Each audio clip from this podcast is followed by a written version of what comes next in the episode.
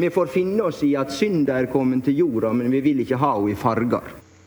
Hei og velkommen til en ny episode av Einar Førdes eh, fargefjernsyn. Mitt navn er Stein Omelien. Jeg sitter på Skype som vanlig med Pål Hafstad Thorsen, Kari Sørensen Bernadini og Tøger Fimreite. Vi er et politisk og populærkulturelt skravlekollektiv for folk trygt plassert på eh, venstresiden. Dette er den første gang på en stund at det bare er oss fire som uh, oss, Så vi har uh, hatt en, uh, en drodlesession ved inngangen her for å finne ut hva vi skal snakke om. Det er litt sånn ymse, men det første vi tenkte vi skulle nevne, det er et politisk resultat som du står delvis ansvarlig for, Kari Bernadini. For du er nå tilbake i fylkespolitikken. Ja, og hvordan var det når du var i Førde de siste to dagene? Jo, eh, det er jo, altså problemstillingen er jo at man er i Førde, da. Det er jo, eh, men det Tøger eh, har vokst opp i nærheten av. Jeg vet han har sterke meninger om det. Det kan jo han få lov å si noe om etterpå. Men, men jeg hopper litt inn i fylkespolitikken som, som vara. Det er veldig kjekt. Jeg sitter i et kulturutvalg på, i fylkeskommunen. Og i dag så, så har jeg knallet til på vegne av Arbeiderpartiet. Eh, og forlangt, intet mindre, slått eh, knyttneven i bordet og forlangt at eh, Språkrådet ja, det må vi flytte ut av Oslo-gryten hvor det ligger og putrer og halvmygler. Og i stedet skal vi få det over til Bergen. Vi har alle forutsetninger på plass i Bergen for å lage et skikkelig bra hjem for Språkrådet. Det er snakk om 35 høykompetansearbeidsplasser. høykompetanse arbeidsplasser. Det er snakk om at Bergen, Universitetet i Bergen har et stort og omfattende språkmiljø. Eh, det er mange grunner til at, eh, til at dette skal gå bra. Ligger jo, Bergen ligger midt i et dialektmangfold som knapt kan måle seg med noe andre steder i landet. Så vi tenker at eh, Språkrådet er hjertelig velkommen. Det skal sies at etter at eh, Språkrådets direktør hørte eh, om vår enstemmige, vårt enstemmige vedtak i dette utvalget, så ringte hun litt frenetisk til eh, Vestland fylkeskommune og lurte på hvorfor hun ikke hadde fått beskjed om at alle skulle flytte. Eh, og jeg tenker Det eh, er små stortingsvedtak til, det må vi jo være ærlige og si. Men, men, jeg skal ikke hindre Språkrådets leder eller noen av de andre. Det er bare å pakke kofferten. Kom igjen, vi er klar. Det høres helt uh, supert ut, uh, Kari. Uh, det blir ofte litt sånn bråk når man skal flytte ut eksisterende arbeidsplasser og, og sånne ting, men dette høres ut som noe som det bør være fullt mulig å komme til minnelig enighet om. Bl.a. pga. det du sier om det store språklige miljøet som finnes i Bergen fra, fra før. Kari? Ja, men så er det jo sånn at Hver gang man skal flytte noe ut av Oslo, så blir det også så mye grining og så mye sutring. Eh, og jeg tenker Vi hører jo de samme argumentene hver gang. Dette kommer aldri til å gå, dette går ikke bra, alle kommer til å slutte. Og nei, det går som regel bra. Ja. Så eh, de skal ikke undervurdere kraften i et skikkelig tungt vestlandsopprør. Så de må bare, eh, de må bare vente og se. Dette skal vi få til. Det høres bra ut. Apropos ikke så bra tøyer. Uh, Kari har tilbrakt de to siste dagene i Førde. Førde er en, er en by som du har et, et slags by, ser jeg nå at han manøvrerer han for å gi inntrykk av. Du har vokst opp i nærheten og har ikke verdens beste forhold til Førde, fant vi ut når vi snakket om dette før sendingen begynte.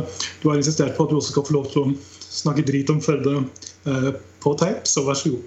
Takk. Altså, først vil jeg si at uh, forslaget som, som Kari har fremmet, er jo veldig veldig positivt. Og det eneste negative er jo at det ble fatta i Førde. Uh, og, det, og, åtte mil under der jeg er født og oppvokst, så har vi Førde. Nærmeste by. Så det eneste vi gjorde, det var at vi reiste dit for å drikke oss full.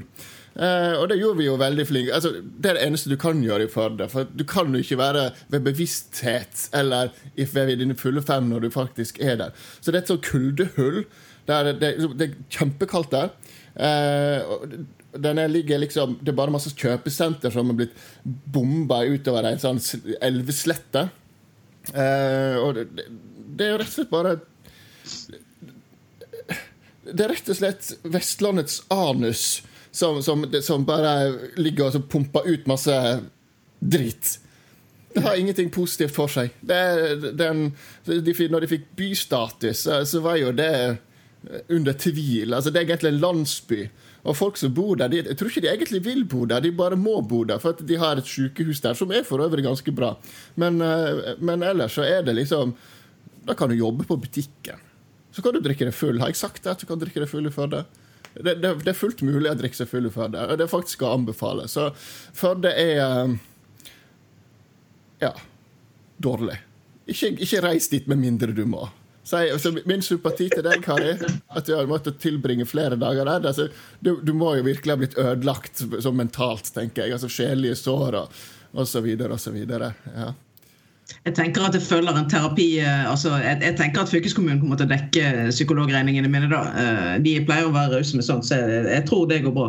Veldig levende bilder du maler, Tøga. Litt, eh, ja, jeg kjente det litt forstyrrende, faktisk. Jeg vet ikke om jeg skal si takk, men jeg gjør det likevel. Jeg må understreke, jeg Det høres ut som at jeg er østlending, men jeg, har, jeg er født og oppvokst på Vestlandet. Men denne eh, dialekten gjør at det er ekstra farlig for meg å si noe som er stygt om noen steder på Vestlandet. Aldri vært i Førde. Høres flott ut. Um, gleder meg til å komme dit. Uh, da har vi vært gjennom disse to helt åpenbare postene som vi skulle ha med, men de fleste av våre eventuelle lyttere kommer jo hit for å eh, høre oss komme med eh, dype analyser av tilstanden i eh, Arbeiderpartiet, som er det partiet vi alle fire har felles.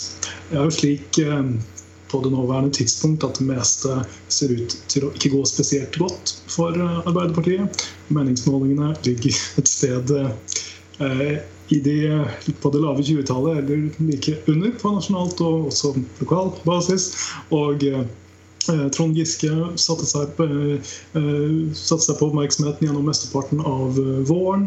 Etter, etter sommeren har Groruddalens høvding Jan Bøhler forlatt partiet i det første opportunistiske partiskiftet i nyere norsk politisk historie for å gjøre noe så sjeldent som å sannsynligvis bli stortingsrepresentant fra Oslo for Senterpartiet. Og rekken av dårlige nyheter stopper ikke der, men det gjør vår gjennomgang av det. Uh, Arbeiderpartiets forsøk på å komme på offensiven har eh, startet med uh, lanseringen av førsteutkastet til det nye partiprogrammet som kom for noen uker siden. Det er et omfangsrikt eh, program på nesten 120 sider, som er betydelig lenger enn de vedtatte programmene eh, både fra forrige periode og perioden før eh, der igjen.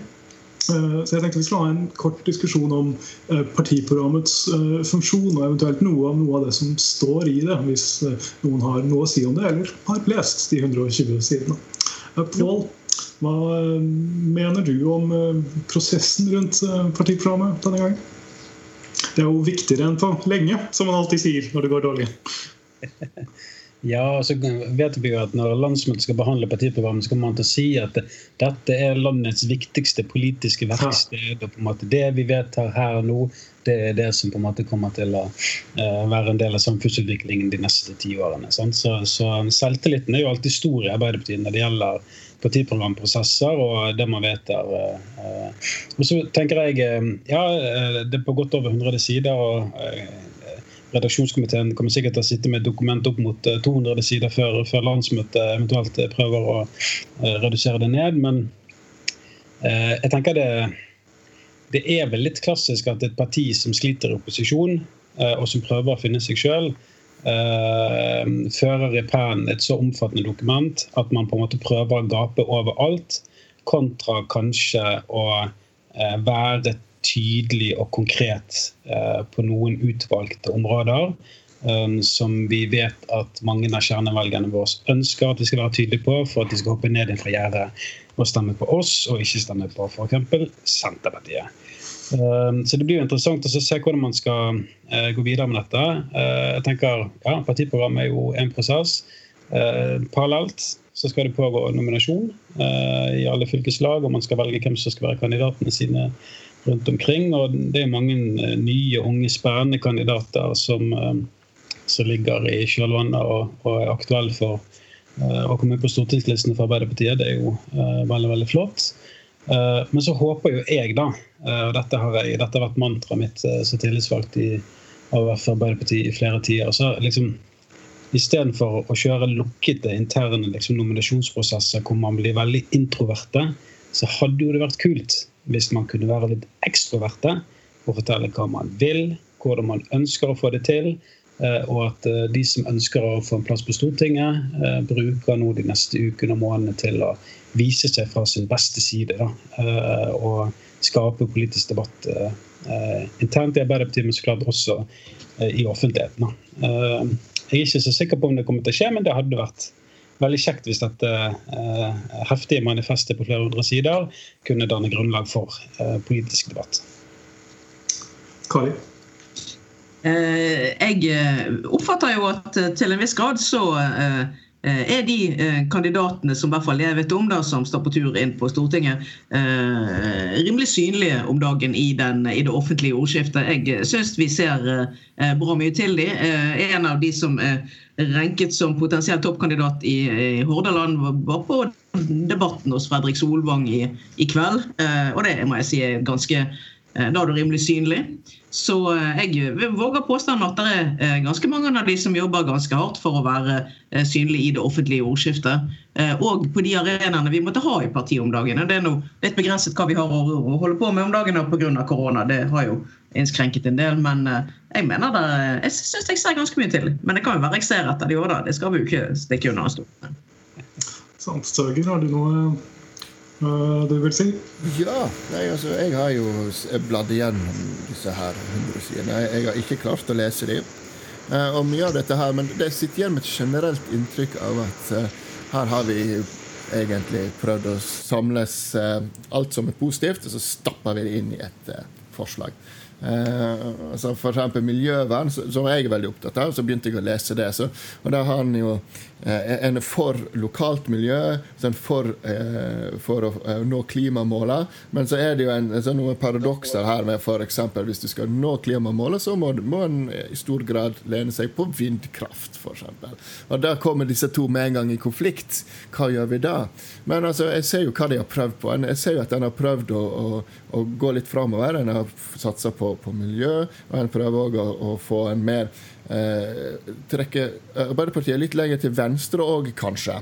Eh, få en litt mer sosialdemokratisk profil på det. Og, og, det er jo kjempebra. Er veldig positivt. Jeg skal være litt positiv òg. Men jeg, jeg, ser jo det at her, her, det kanskje de biter over litt for mye i, i arbeidet sitt. At uh, Skal dette her bli et partiprogram som, som faktisk har noe å si, så må en fram med kniven og kutte litt på det. Ja, nå uh, hørtes det ut som jeg uh, ble litt uh, negativ her. Da, så jeg tenker jeg, må, jeg måtte bare komme på banen igjen. fordi at Når det gjelder for Arbeiderpartiet, Hordaland, Vestland, så, så, er jeg enig med Kari Bernardini at jeg synes det F.eks. både Marte Mjøs Persen og Egil Knutsen biter godt fra seg for tiden. og har fått, sant, Det er veldig kjekt å se Egil Knutsen har fått rollen som finanspolitisk talsperson for stortingsgruppen, mens Hadia i permisjon. Og det er kjekt å se at uh, vestlandsdronningen uh, Marte Mjøs Persen også får lov å, å, komme på banen. Så, så, jeg tenker lokalt så, er det mye bra. men jeg tenker at det er litt sånn klassisk at man lager et heftig manifest hvor man skal sende en hilsen hjem i alle fylker og til alle kommuner, og alle på en måte skal få sin lille veistubb eller rassikring eller skole eller et eller annet skal være omtalt. da. Mens jeg tror jo ehm, jeg tror at skal Arbeiderpartiet eh, og Sosialdemokratene i det 21. århundre få mer oppmerksomhet, eh, og at velgerne skal eh, peke på Arbeiderpartiet som det partiet som har svarene på de store samfunnsspørsmålene, så tror jeg man må begrense det. Man må være tydeligere rundt noen konkrete temaer og emner. Og så må man kjøre knallhardt på det. Eh, herfra og hele veien inn til, valget. Eh, og um, jo tydeligere eh, skillelinjer man kan skape mot høyresiden, vil det være bra. Men det er jo etter min mening også et veldig sterkt behov for å vise en tydelig forskjell og skillelinje også mot Senterpartiet. Selv om Senterpartiet er et potensiell samarbeidspartner i regjering, så ligger de nå så tett opp mot Arbeiderpartiet at Eh, ja, sant? De er sågar uh, sammen med politiske kommentatorer begynt å diskutere om det er Senterpartiet som egentlig er statsministerkandidaten, eller Arbeiderpartiet. Da tenker jeg, da, da, må, vi, uh, da må vi slå fra oss. Så, så, hovedmotstanderne nå ved dette valget Og det har jo alltid vært litt sånn klassisk tidligere. Sant? Frp har jo vært en drømmemotstander for f.eks. Jens Stoltenberg. Han har jo elsket muligheten til å møte Siv Jensen for, lag, for på en måte skape politisk dynamikk der. sant? Eh, men nå, nå, tenker jeg at det er Trygve Slagsvold Vedum, Senterpartiet og Erna Solberg Høyre som er på mange måter hovedutfordrerne, så vi må, eh, vi må skape et uh, tidligere skille mot det. Jeg tror Jeg har lest ikke hele programmet, men så godt som det går, og lest noe som er 120 sider langt. Og det er veldig mange berøringspunkter mellom oss og Senterpartiet i dette programmet. Det er veldig mye vi kan bli enige om Eh, i eh, en eventuell regjering etter, eh, etter, neste valg. Noe av det handler om ting vi alltid har ment. Noe av det handler om at vi nå prioriterer hardere og viser fram de tingene som, som vi er enig med, som Senterpartiet har vokst kraftig på de siste par-tre par, årene. Men det er klart, det er utrolig viktig for Arbeiderpartiet i den nåværende situasjonen hvor nettopp Senterpartiet er så nær på vår riktignok lave eh, eh, oppslutning, eh, at Arbeiderpartiet klarer å liksom gjenvinne posisjonen som det naturlige styringspartiet på venstrefløyen. For det som er sært med medienes framstilling av eh, Senterpartiet, er at det er nesten ingen medier som heier på Senterpartiet. Altså, eh, når det kommer til eh, liksom, den politiske fremstillingen av Senterpartiet, så kan du gå gjennom alle de store avisene i Norge, med et unntak for Nasjonen og Klassekampen, og alle vil eh, holde, holde, dem på avstand og eh, være nokså nedlatende til det politiske prosjektet som Senterpartiet eh, av dem da påstås å fremmes. Men når det kommer til Eh, medieoppmerksomheten de får, så klarer de å utnytte den svært svært positivt. De er flinke til det, men de får også uh, mye hjelp. Så der er det en sær, sånn, uh, sær dynamikk som selvfølgelig alltid hjelper et parti som er i framgang, kontra et som det ikke går så, uh, går så bra med. Men partiprogrammet i seg sjøl, som altså teller på la meg si det nok en gang, 120 sider, er en absurd lengde eh, på et program. Eh, vi vet eh, allerede at det er relativt få som leser disse programmene i sin, i sin helhet. Og da må man bruke den tiden som folk eventuelt har til å sette seg inn i hva et parti mener foran et stortingsvalg, og presentere det på en noe mer konsis måte enn 120 sider, og kanskje også med litt færre enn 2500 bombepunkter, som jeg tror det er i det forslaget. Det er delt inn i tror jeg, fem deler. Det er bra. Eh, de er eh, klare og eh, forståelige. Men alt det som står i der, kan bidra til å slå innholdet i hjel. Og det er trist. Så, det er mye jobb å gjøre får vi si, for partiorganisasjonen fram til det programmet skal vedtas på landsmøtet til våren. Men jeg tror vi kan uh, fortsette med å snakke litt om Senterpartiet. For uh, alle andre gjør det jo, så hvorfor ikke? Uh, de har fått Jan Bøhler over til seg. De har voldsom framgang i meningsmålingene. og de utfordrer Arbeiderpartiet. Pål startet så vidt på en analyse som jeg har fulgt litt opp på. Men hva, hva vi, hva ligger i at Senterpartiet gjør det så bra som de gjør nå? La oss si Kari Barandili.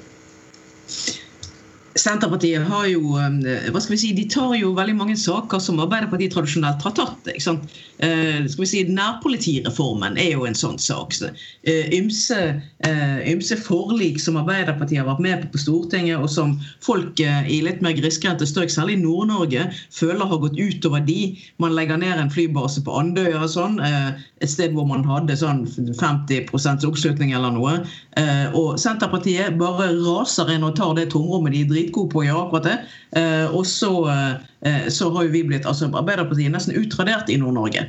Eh, til fordel for Senterpartiet. De har virkelig klart å skåre på de, eh, de der distriktssakene og disse lokale sakene. Og kampen mot sentraliseringen av Norge, den har de virkelig klart å kapitalisere på på en, på en enorm måte. Enig, Kari.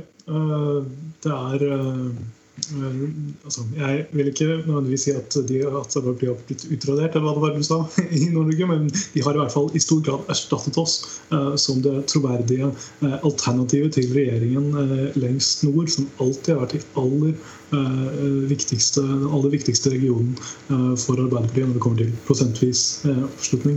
Vi ser det også i mange andre bastioner også at Senterpartiet har, er i ferd med å erstatte Arbeiderpartiet. Det er enormt alvorlig. Og det er klart, eh, den eventuelle andre muligheten Arbeiderpartiet har, er, å gjøre det veldig sterkt i byene. Eh, det ser man eh, at det har vært en strategi i andre land hvor, hvor de sosialdemokratiske partienes velgere har blitt byttet ut. altså at Man kommer lenger fra de naturlige, vanlige kjernevelgerne sine og erstatter dem med yngre, bedre utdannede, høyere utdannede eh, velgere i eh, byene. Problemet til Arbeiderpartiet i Norge er at konkurransen om de velgerne er enorm fra eh, alle de andre små partiene ved siden av oss. Om det så er Venstre eller MDG eller SV eller Rødt, så har de også ambisjoner om å ta alle disse byvelgerne. Og Det er det som gjør det så viktig at Arbeiderpartiet klarer å opprettholde oppslutningen i hele landet. og det ser ikke bra ut på det nåværende tidspunkt. Pål, har du eh, noe å bidra med i den, i den analysen?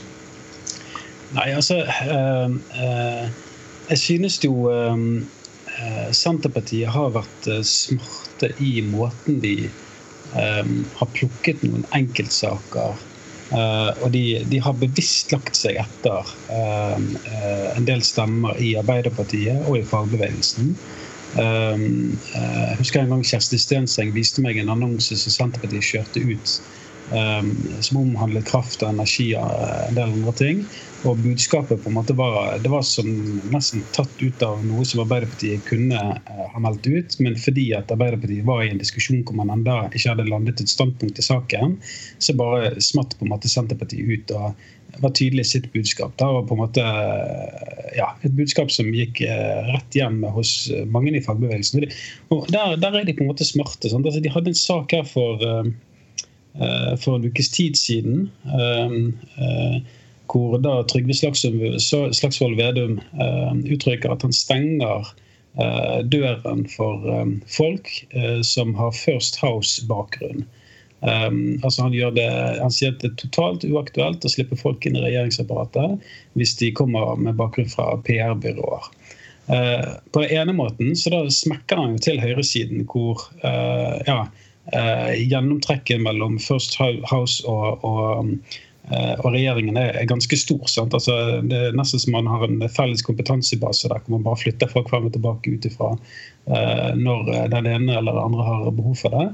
Men det er jo også et slag i ansiktet til eh, Arbeiderpartiet, eh, hvor det i perioder blir ja, at man kritiserer Arbeiderpartiet og Youngstorget for f.eks. for, for tette bånd mellom Eh, pressen og eh, politikere, eller eh, at Arbeiderpartipolitikere som eventuelt er ferdig på Stortinget eller så rådgivere, forsvinner inn i PR-byråer eller andre ting. Da.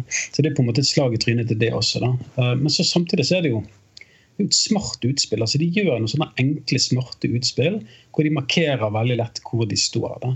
Um, og som et eksempel, altså Noe jeg f.eks. hadde savnet uh, fra Arbeiderpartiet, det var når busstreiken uh, pågikk.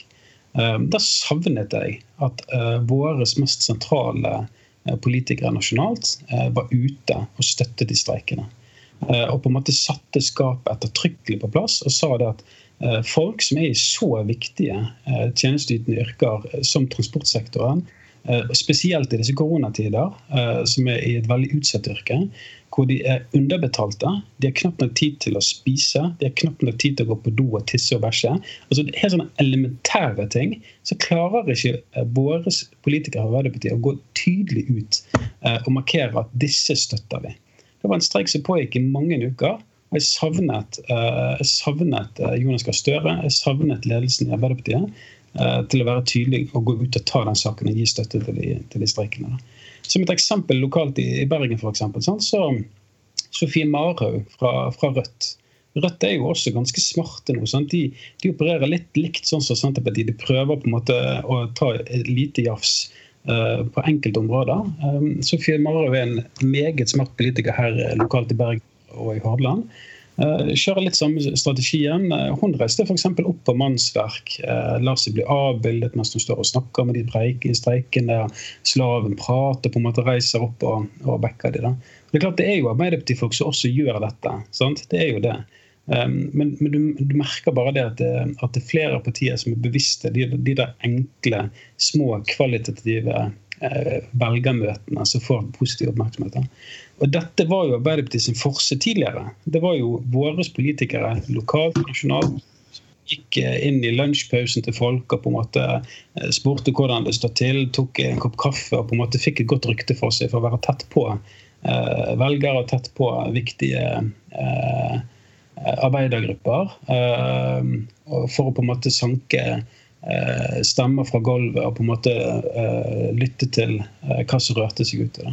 Og jeg savner liksom at, at vi er på den banehalvdelen der. Da, at vi, vi sjøl griper den muligheten til, til å vise hvor vi står. Ja. Kari? Ja, takk.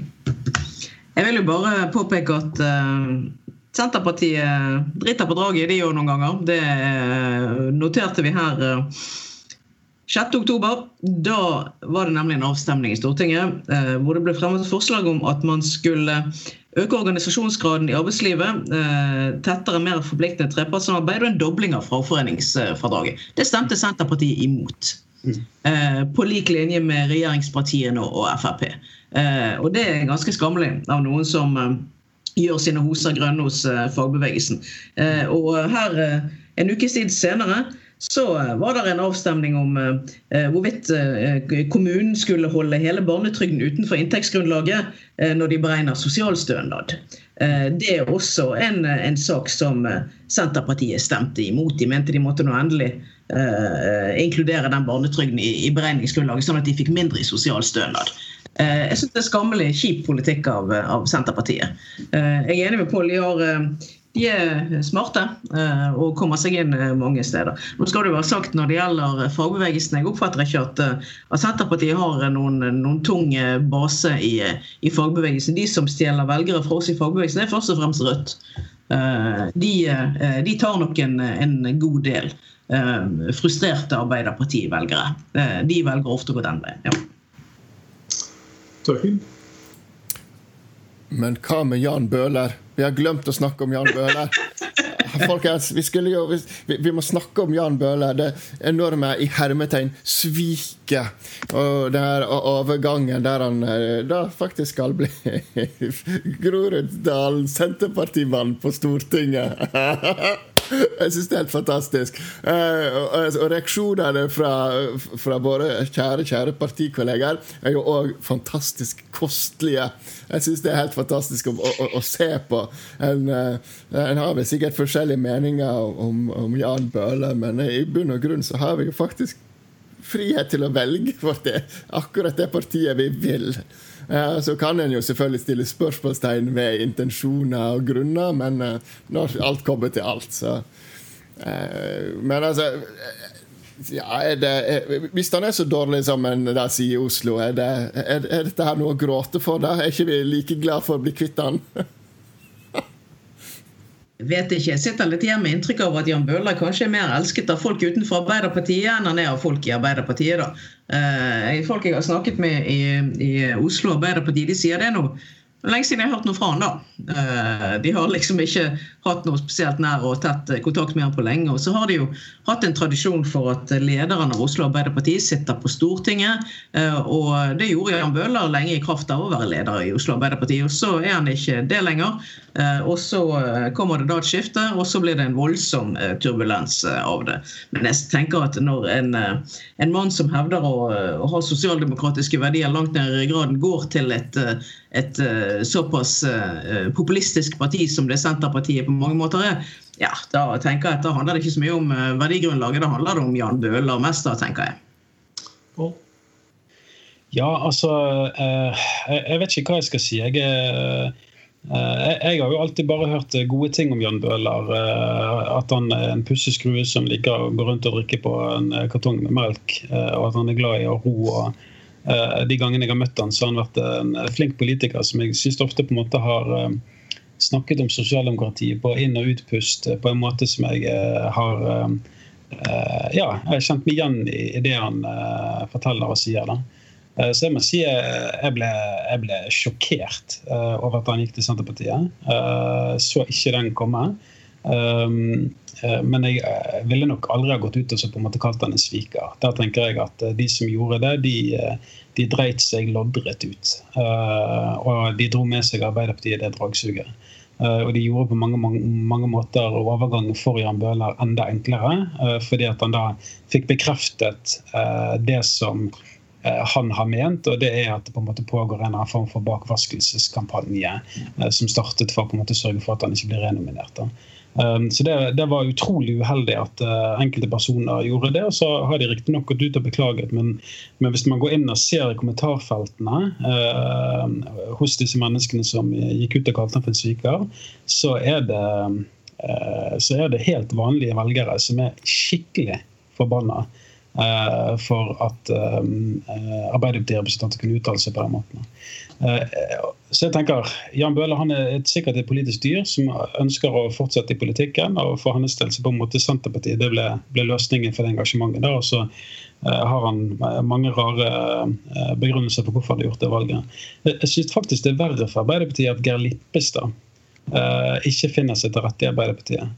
Eh, og starter et nytt parti. Eh, det må jeg si. Um, det, hadde jeg vært Jonas Gahr Støre, så hadde jeg nok følt at eh, de to ukene der hvor Geir Lippestad forsvant ut og Jan Bøhler også tok med seg sekken til Senterpartiet, så uh, tror jeg nok jeg hadde følt at det der, der var litt tungt.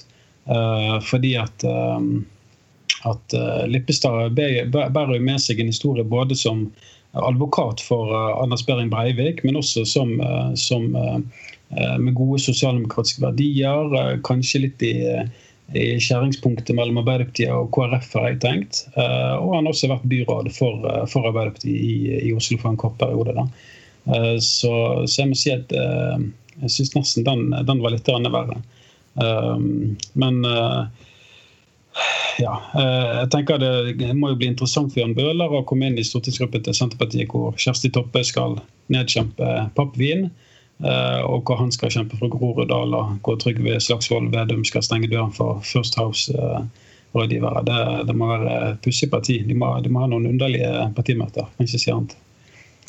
Ja, jeg syns på sett og vis det er litt av en katastrofe at Jan Bøhler uh, forsvinner fra uh, Arbeiderpartiet. Ikke fordi jeg har møtt ham, og ikke fordi jeg alltid nødvendigvis har vært enig med ham uh, heller. Men det som Jan Bøhler har vært veldig flink til å få fram i alle de veldig vennlige portrettdruene som har blitt gjort med ham de siste 35 årene, er at han er mye ute blant folk. At han er ute blant velgerne. Og da er det noe med den kritikken som kommer fra Arbeiderpartiet, som sikkert for så vidt er sann om at han ikke går på møter eh, i Oslo eh, Arbeiderparti, men at han isteden er ute og møter velgerne. Vet og slett gir fullstendig faen i det? Velgerne. Altså, eh, det er eh, Når de hører at han er ute og snakker med ungdom i trøbbel, eller med eh, de som driver bakeriet eller ungdomsklubben eller hva det måtte være i Groruddalen, istedenfor å sitte på interne møter, så høres det ut som en utmerket måte å bruke tiden sin på. Han snakker klart og tydelig. Og igjen, jeg er ikke på ingen måte alltid uh, enig med men jeg syns det er en uh, katastrofe. Det er veldig trist at det skulle ende på, på denne måten. Så jeg synes det er noe liksom forfriskende med at man har fått det som jeg i introduksjonen kalte for et rent opportunistisk partiskifte. For det skjer utrolig sjelden i Norge. I Danmark, som jeg kjenner godt, så er dette utrolig normalt. Der er det også vanlig at man starter nye partier. sånn annenhver torsdag. Eh, I Norge er det veldig vanskelig fordi eh, sperregrensa er eh, er høy, men man ser også veldig sjelden at profilerte politikere tar med seg mandatet sitt og går til et nytt parti utelukkende for å få lov til å fortsette karrieren sin. Det er uh, veldig sjelden. Uh, jeg er ikke sikker på jeg syns det er sånn spesielt kult. For, uh, for Arbeiderpartiet har gitt Jan Bøhler veldig mange sjanser. Det er heller ikke noen menneskerettighet å sitte på Stortinget over så lang tid som han har, som han har gjort. men det, er, det viser i hvert fall at, at han har ambisjoner. Og det er veldig smart av Senterpartiet å, å tilknytte seg ham, for Oslo er ikke Eh, fruktbar mark for eh, det eh, partiet. Så der får de nok antageligvis et slags gratismandat ved neste, ved neste valg. Vi skal straks snakke litt om sentrum, men jeg så Tøger hadde en replikk. Nei, jeg tror du bare ser flimringa av uh, mikrofonen. Oh, ja. Vi har et uh, Skype-problem. Uh, nei, nei, vet du hva, jeg hadde ingen replikk. Jeg behøver ikke komme på noe. Du får bare gå videre i programmet. Yes, eh, vi kan snakke litt om Sentrum, som altså er det partiet som Geir Lippstad har eh, blitt eh, styreleder for. Som blir dannet av ham og noen utbrytere, stort sett fra KrF, men også fra Venstre og et par sosialdemokrater. Og i den norske kristenpressa jeg leser Vårt Land, men jeg har ikke hjerte til å lese Dagen sånn daglig. Eh, men så eh, blir dette fremstilt som eh, nesten utelukkende noe som vil kunne presse KrF. Og det er klart det er lett å forstå hvorfor kristenpressa fokuserer på det. Og også lett å forstå hvorfor dette er potensielt veldig problematisk for KrF, fordi de ligger så lavt fra før av og skal miste så få velgere eh, for å eventuelt havne under eh, sperregrensa. Og mye av kommunikasjonen som sentrum har hatt i sin første fase, har vært tidligere KrF-ere som har snakket tydelig om hvorfor de er skuffet over det partiet de nå har forlatt. Det som ikke er så tydelig, er hva sentrum egentlig vil, eller hva de egentlig er til for.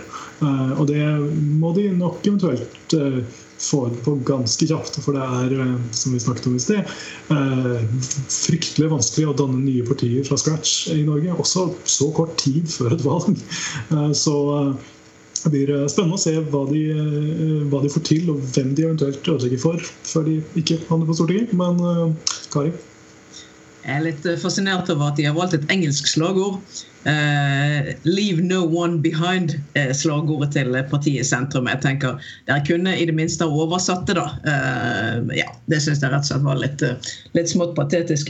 Men jeg merket meg en, en, et intervju med Martin Kolberg, den gamle partihøvdingen hos oss i Arbeiderpartiet, når han ble spurt han, om han var skuffet over Geir Lippestads overgang til partiet Sentrum. Så tygget han litt på det, så sa han Nei, sånn. Jeg er ikke skuffet. Jeg er overrasket, men jeg er ikke skuffet. Og jeg tenkte vel, vel, der veide du antagelig dine ord omhyggelig, Martin Kolberg. Ja. Er det noen andre som vil si noe om sentrum, eller skal vi la denne snodige lille konstruksjonen Pål vil si noe. Vær så god. Ja, altså um, uh, Det er jo interessant, da. Uh, en av disse som um, nå er med i eh, Jeg vet ikke om de kaller det et sentralstyre eller bare et styre, eller hva det er for noe. Det er jo da Tom Sverre Tomren eh, her fra, fra Bergen og Hordaland. Eh, har jo vært tidligere KrF-er som meldte seg inn i Miljøpartiet De Grønne. Som så meldte seg tilbake igjen til KrF. Og så gikk han vel nå fra KrF til da sentrum. Uh, og jeg tror uh, mange av disse partibyttene har skjedd på ganske kort tid. Da. Um, uh, så de har jo da uh, tillitsvalgte nå fra, fra, her lokalt uh, i, i Hordaland. Ja, altså, det jeg syns er interessant med Lippestad og Co. Sitt, sitt, politiske prosjekt, er jo at de tar KrF, og så fjerner de kristendommen fra det.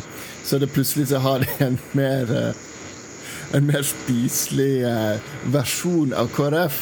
Og spesielt etter at de da tok den her eh, veldig skarpe høyresvingen og med, med, i eh, forbindelse med den eh, ja, regjeringsskiftet og rundt Hareide og, og, og den splittingen av partiet. Så, altså, så jeg tenker jo at det er kanskje, kanskje et rom for et, et KrF-parti uten kristendom. og uten de veldig konservative kristne verdiene. Men Det, det Et, et kristelig folkeparti bare uten de kristne verdiene. Der har du et bra konsept, eh, Tøger. Det skal bli spennende å se hvordan de får til. Men eh, jeg, personlig må jeg si at jeg, jeg, jeg håper de splitter KrF, uh, slik at de ramler under sperregrensen. Det må jeg si hadde vært med en svir. Uh, om de hadde gjort det. Uh, jeg er så grusomt uenig med KrF på så mange måter at det hadde jeg, jeg har sett litt frem til det. Det må jeg være ærlig å si. Det blir spennende da, altså se om, eh, om det faktisk har den effekten at, at det kan svekke KrF. For det at På de siste meningsmålingene nå så har jo faktisk KrF styrket seg. Um, så det jeg har grublet på, det er jo om er det da eventuelt folk som tidligere stemte parti eh, De kristne, uh, som nå går til KrF igjen fordi at de er redd for at sentrum skal svekke KrF. Og så samles de da likevel rundt KrF. da. Men det som eh, er utrolig interessant nå, det er hvor vanvittig illojale velgere det er. Um, altså det er altså ett års eh, tid siden eh, bompengelisten seilte inn i bystyret i Bergen med nesten like mange representanter som Arbeiderpartiet og Høyre hadde hver for seg. Og nå er altså partiet utradert fra meningsmålene lokalt i Bergen. De får ikke inn en eneste representant hvis det hadde vært kommunevalg i Bergen i dag. Um, å snakke om ganske store velgerbevegelser uh, når et parti på ett år uh, er nøytralisert. Og så blir det interessant å se om nye partier, sånn som, sånn som Stein Ove har erfaring med også fra Danmark, sant? at uh, nye partier faktisk kan bite fra seg og komme inn både lokalt og nasjonalt i, i folkevalgte organer. Um, ja. Det er betydelig enklere selvfølgelig lokalt, som vi så uh, sist. Nasjonalt er det uh, voldsomt tungt. Sammenlignet med Danmark så er det noen ting som endrer seg. Du trenger veldig få underskrifter for å bli uh, oppstillingsberettiget i Norge. jeg er bare noen få hundre, mens det er flere tusen, flere titalls tusen faktisk. Det er et par tusen tror jeg i Norge, og rundt 20 000 i Danmark. så det er en ganske tung oppgave. Der tjener jeg altså sperregrensa mye, mye lavere. Men det er mange spennende ting på gang i norsk politikk. Veldig få av dem handler om Arbeiderpartiet, men det er jo da eh, det loddet vi har satt oss i. Og eh, vi har eh, vært gjennom en del av det i denne episoden. Hvis det ikke er noen flere som har tenkt å si noe mer, som det ikke ser ut til å være, så tror jeg vi kan gå videre til eh, anbefalingene våre. Så er den måten vi avslutter alle de i hvert fall eh, vanlige episodene våre på. Og Tøger at du skal få lov til å gå først denne gangen. Tusen takk. I dag så skal jeg anbefale en um, sang. Og vi skal tilbake til uh, 1956. Uh, og dette her er en, uh, en svart artist som heter Screaming Jay Hawkins. Han gir ut album på en B-side på, på, et album, I Put A Spell On You. og dette her er egentlig ganske grunnen til at jeg anbefaler her, at jeg begynte å lytte på litt eldre musikk igjen etter gammelt. Og det er jo fantastisk kult å høre på, for etter det så I forhold til dagens standard, så er jo det det er skeivt, vindskeivt og dårlig. Det skraper og det skurrer. Sånn. Mens, mens, i dag så får du for en tusenlapp et hjemmestudio, så du kan produsere ting veldig mye bedre. Og du, altså, alt er jo så strømlinjeforma. Mens uh, her så hadde du et, en mulighet, og så skapte du en hit av det. Uh, og dette har han uh, lagde da Det ble en stor hit for, for han Screaming Jay Hawkins. Han var òg bokser. Han var en ganske, en ganske spennende karakter. Men sangen I Put to Spell On You, den versjonen han har, den er ikke jeg så glad i. Så det, hvis jeg skal anbefale én versjon av den, så er det den til Creedence Clearwater Revival. For den versjonen der er bare råkul. Med både uh, ja, bruk av, uh, av instrument og en forferdelig lang solo. Men alt funker. Men det er ikke bare der det stopper. For det, den godeste sangen her, I Put A Spell On You, den har både Annie Lennox har, har framført den i type jazzversjon i uh, 60 Shades of uh, Grey. Eller var det 50 Shades of Grey? Uh, det var i hvert fall en av de. Uh, og vi har da Nina Simone har tatt den. Vi har hatt ja, På 1990-tallet, så var det 1993, så var det sett Brian Ferry, som da kom på 18.-plass på, på på Billboard, var det vel. Uh, og det er uh, Marilyn Manson har òg kjørt en versjon av den her.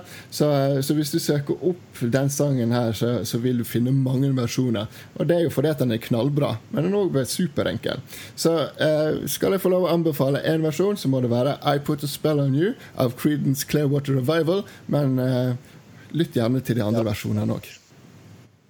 Takk for det, uh, Torgeir. Trenger vel ingenting å utsette på den uh, anbefalingen. Gratulerer. Uh, Kari Sørensen Bernardini. Uh, Liker at jeg får stille med fullt navn i dag. Det setter jeg stor pris på, Stein Ove. Du, jeg har, en, eh, jeg har, en, bok å anbefale denne uken.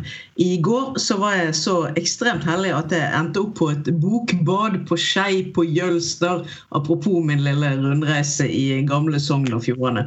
Eh, det var altså da eh, ingen ringere enn Hva heter han? Forfatteren heter Nils Henrik Smith. Og det var vår venn Takvam. Hva heter han til fornavn? Finn.